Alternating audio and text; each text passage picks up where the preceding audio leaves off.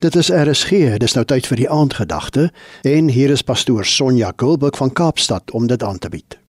Goeienaand. Daar is baie mense wat die uitdrukking gebruik sien is glo. Want hulle redeneer as jy nie iets met jou eie oë kan ervaar nie, kan dit nie waar wees nie. Net so Thomas van wie ons in die Bybel lees. Hy was die een disipel wat nie wou glo dat Jesus uit die dood uit opgestaan het nie. En eers toe hy Jesus se wonde sien en daaraan vat, Toe was hy oorstelp en het hy geglo. Ons raak so gou ongelowig as dinge nie in ons lewe uitwerk soos wat ons gedink het dit moet nie. Jy weet, ek het gebid vir reën, maar toe verloor ek my hele oes. Of ek het gebid dat my kind gesond moes word, maar toe sterf hy. Hoe werk geloof dan?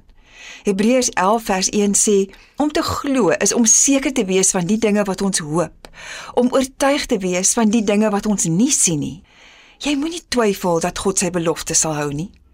Ons het elkeen 'n geloofspad om te stap. Juis ook as slegte goeters met jou gebeur. Ons is nie almal ewe sterk om dan net blindelings te glo en vrolik met ons dagtaak aan te gaan nie, nê. Dis baie keer 'n proses wat jy deurgaan vandat jy begin droom het oor iets, jou plan 'n naam gegee het, tot by die keuses wat jy uitoefen, jou tyd waar jy op God moet wag en dan die koelde saktye waar moedeloosheid jou soms oorval. As jy tog maar net kan deurdruk totdat God jou antwoord, jou geloof versterk word en alles weer in plek val. Vandag wil ek jou daaraan herinner dat God vir jou lewe 'n plan het. Jy is nie toevallig waar jy nou is nie. Bid en vra hom dat sy planne vir jou ook in jou hart sal ekho. Ons ken die storie van Josef se drome. Al was sy pad vol probleme, het hy in geloof voortgebeur want hy het God se droom in sy hart gehad. Hy het bly glo. 'n Man wie se seun van die duiwel besete was, het by Jesus uitgekom.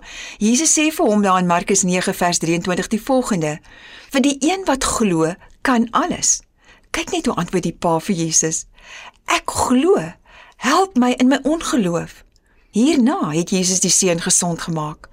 My Here, help my om so te glo dat U plan vir my lewe ook myne sal wees. Amen.